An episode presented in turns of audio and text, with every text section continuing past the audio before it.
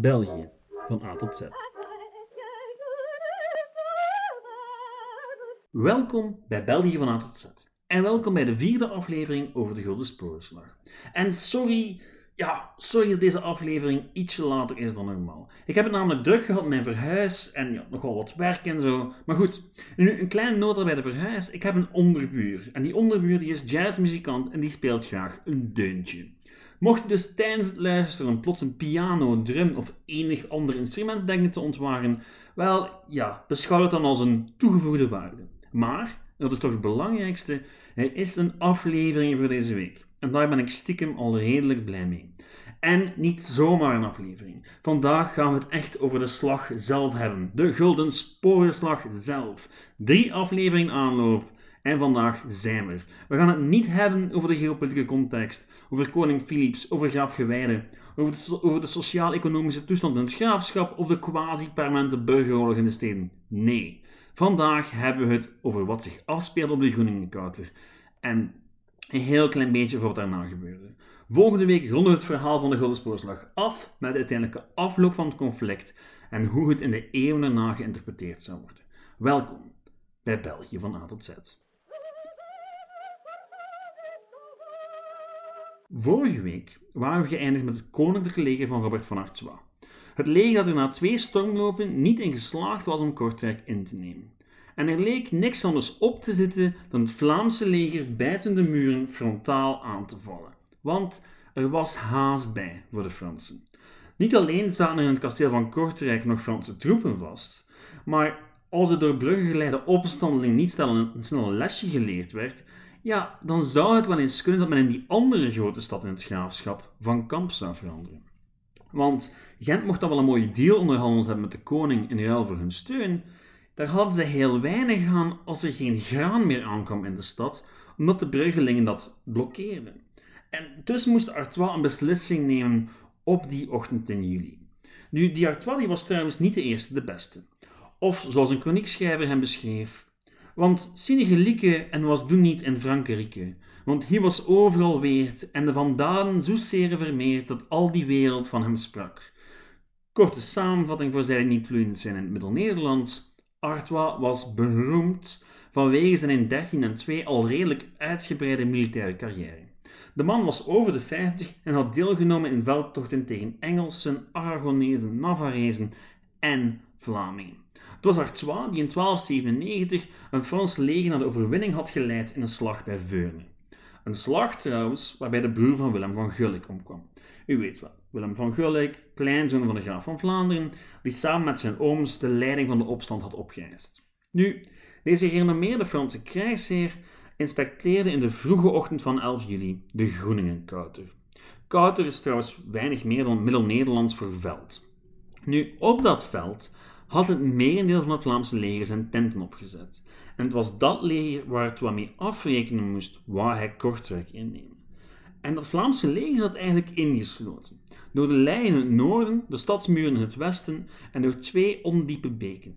De Groeningenbeek en de Grote Beek. Die beken, die moest het Franse leger over, waar ze de Vlamingen aanvallen. En dat was geen ideale situatie voor een veldslag. Maar goed, er was geen tijd voor een andere aanpak. En daarboven had Artois iets wat zijn tegenstanders niet hadden: ruiterij. Maar daarover later meer. Eenmaal het voor iedereen duidelijk was dat er ook effectief een veldslag zou komen, werden de nodige voorbereidingen getroffen. En in de middeleeuwen betekent dat onder meer een mis, biechten en een licht ontbijt. Eens die formaliteiten afgehandeld waren, stelde men zich op. En voor we de slag laten uitbarsten, loont het misschien de moeite om een kijkje te nemen naar de legers die zich aan elke kant van het slagveld bevonden. Op basis van de stadsrekeningen en de verhalen van kroniekschrijvers kunnen we ons ongeveer een beeld vormen van hoe groot beide legers waren. Al beschikken we natuurlijk niet over de exacte cijfers. Het blijven de middeleeuwen. Het mag niet verbazen dat de Bruggelingen het grootste deel van het Vlaamse leger geleverd hadden. Het Brugse contingent, aangevoerd door Willem van Gulik, dekte de rechterkant af. Gewijden van Namen leidde, op een groep op links met krijgers uit Aalst, Oudenaarde, Ieper en een boel rebellerende Gentenaars. In het centrum stonden de krijgers van de Brugse Vijen en de kuststreek. Het Brugse Vrije is eigenlijk een regio rond Brugge, die één politiek geheel vormden, min of meer. Nu, daarnaast had je ook nog eens 500 Iperlingen voor het kasteel. Want, herinnert u zich, dat kasteel, ja, dat zat vol met Fransen, het Franse garnizoen. En al wat die Iperlingen moesten doen, dat was dat Franse garnizoen ervan weerhouden om de Vlamingen in de rug aan te vallen. Oh, en uh, er was ook nog een contingent van 500 man onder leiding van Jan van der Renesse op de weg naar Gent. Uh, niet op de weg, eh, ze waren niet op weg naar Gent, maar ze blokkeerden eigenlijk de weg naar Gent. Maar daarover later meer. Al bij al zou dat Vlaamse leger zo rond de 9000 man geteld moeten hebben. Het Franse leger daarentegen zou uit zo'n 7000 man bestaan hebben. Nu zou je misschien kunnen denken dat het ja, in dat geval eigenlijk best logisch is dat de Vlamingen het pleit wonnen, gezien hun numerieke meerderheid. De waarheid is natuurlijk dat volgens de gangbare theorie van die tijd de legers op geen enkele manier gelijkwaardig waren. Artois had zo'n 2700 ruiters tot zijn beslissing. Het Vlaamse leger rond de 350. 2700, 350. Gezien het belang van ruiterij in de middeleeuwse oorlogsvoering is dat toch wel een significant verschil. Wat ook meespeelt, is wie normaal gezien op die paarden zat. Ridders, of in elk geval toch professionele soldaten. Geen afstandige boerenknechten of ambachtslieden die slechts enkele keren hun levende wapens omgorden. Of zoals Robert van Artois gezegd zou hebben, wij zijn te paard en zij te voet. En honderd paarden zijn duizend man waard. En het is net die veronderstelling die ervoor zorgt dat Artois op de ochtend van 11 juli voor de aanval kiest. En langzaam maar zeker stelde zijn leger zich op een slagorde. De ruiters onderverdeeld in 10 ruiterscharen van telkens 250 ruiters. De kruisboogschutters vooraan en de rest van het voetvolk achteraan. En de Franse tactiek was duidelijk. De schutters zouden de Vlamingen terugdringen weg van de beken, zodat de ruiterij die over konden steken en het Vlaamse voetvolk frontaal zouden kunnen aanvallen en overdonderen. Het Vlaamse strijdplan was ongeveer het tegenovergestelde. Het idee was dat men zoveel mogelijk voordeel zou puren uit de situatie waarin ze zaten. Wat een nadeel zou zijn, wat de Vlaamse legerleiding als een voordeel uitspelen. Er was namelijk geen Ze zaten vast, vast tussen de leien, de stadsmuur en de Fransen. En bovendien stonden die 500 man op de weg naar Gent, ja, die stonden daar niet zomaar als reserve, maar vooral om ervoor te zorgen dat iedereen die ook maar aan zou durven denken om de benen te nemen, dat die van gedachten zou veranderen eens ze die 500 man zagen, die hen ook de keel over zou snijden indien nodig. En mocht het strijdtoneel de Vlaming nog niet voldoende gemotiveerd hebben, dan was er ook nog de nodige propaganda. De legeraanvoerders bijvoorbeeld, die in tegenstelling tot hun troepen wel over paarden beschikken konden, wel, die stegen af en deden ordinaire helm aan en stelden zich op tussen het gewone voetvolk. En dan hebben we het niet alleen over ridders, we hebben het over de zonen en de kleinzoon van de graaf. Dat is toch redelijk belangrijk. Oh, en natuurlijk waren ook nog een heleboel volksleiders die tot ridder werden geslaan. Denk aan Jan Berlut, Pieter de Koning en dergelijke. Nu, toen de eerste Franse boogschutters uiteindelijk de beken naderden, ongeveer vlak voor de middag, was het voor iedereen duidelijk wat hen te doen stond. Stand houden, stand houden en vooral niet gaan lopen. En je niet laten afleiden door dingen die er niet toe doen. De bevelen waren duidelijk. Geen genade, enkel doden. Niet plundering, enkel doden. Stand houden, doden, niet gaan lopen. Nu, heel simpele bevelen, maar het wordt moeilijk eens de veldslag echt begint. En zeker als de pijlen je plots rond de ogen vliegen. Of zoals een chroniekschrijver het beschreef, het was dat vreselijkste begin, dat nooit man met ogen zag, die pielen vlogen, vlogen op geen dag dat men een hemelkumme van dikkenen niet konden zien. Oftewel, er waren zoveel pijlen dat je de hemel niet meer zien kon. Onder de dekking van al die pijlen wist een deel van het Franse voetvolk de beken te bereiken. En dat was een probleem voor Artois. Niet zozeer omdat hij bang was dat het ordinaire voetvolk zomaar met de zegen zou gaan lopen, maar vooral omdat zo'n afgezonderd groepje krijgers heel makkelijk uitgeschakeld kon worden. En uiteindelijk gaf hij het bevel aan het voetvolk om zich terug te trekken. En bereidde zijn ruiterij zich voor op de aanval. Dit zijn, ja, natuurlijk de middeleeuwen. En dus was er van wifi, telefonie of zelfs de telegraaf nog lang geen sprake. En orders, zoals het order tot terugtrekking, kon slechts op drie manieren overgebracht worden: via geluid, door klaroenen of trompetten, schriftelijk, met een boodschapper, of via visuele cues, zoals banieren en dergelijke. In het geval van Artois werd het order rondgeschreeuwd en werden de banieren van de ridders naar voren gebracht. Een duidelijk signaal dat het voetvolk uit de weg moest en de ridders de aanval in zouden zetten. Goed, voor het voetvolk is dat een signaal dat men zich maar beter uit de weg kan maken van de gepantserde oorlogspaarden die richting de vijand gaan denderen. Maar ja, zo'n duidelijk signaal, ja, tijdens een veldslag gaat dat niet altijd iedereen bereiken. En dat bleek toen de Franse linkerflank oprukte en zowaar gehinderd werd door een deel van het eigen voetvolk. Desalniettemin wisten de ruiters de beek over te steken en op te rukken richting de Vlaamse linies. In galop. En elke Vlaming hadden, desgeloofd wel, twee orsen op hem komende snel. De paarden kwamen eraan, paarden met ridders op, met lange lansen, denderden af op het Vlaamse voetvolk. De eerste clash vond plaats in het centrum. En de krijgers van Brugse Vrije die hadden het het moeilijkst met die eerste aanval. Elders breken de bruggelingen beter in staat het hoofd te bieden aan het Franse krijgsgeweld. En op de Franse linkerflank begonnen zowaar de eerste Franse aanvoerders te sneuvelen. En dat Willem van Gulik daarbij van zijn paard viel, goed, mag eigenlijk niet verbazen.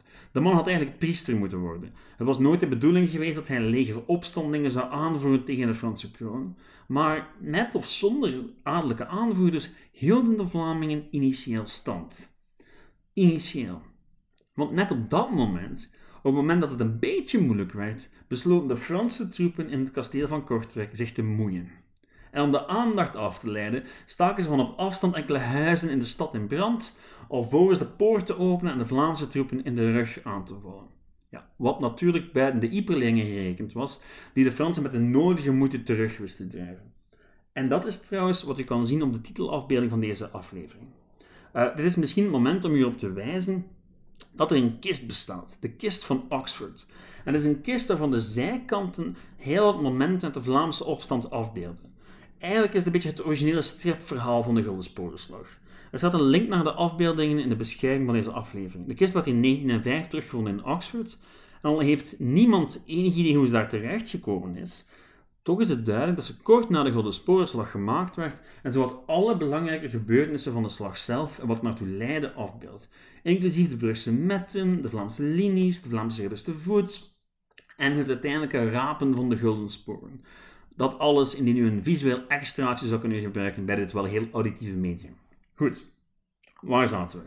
Juist, de Ipelingen. De Ipelingen hadden net het Franse garnizoen terug de kasteelpoorten binnengejaagd.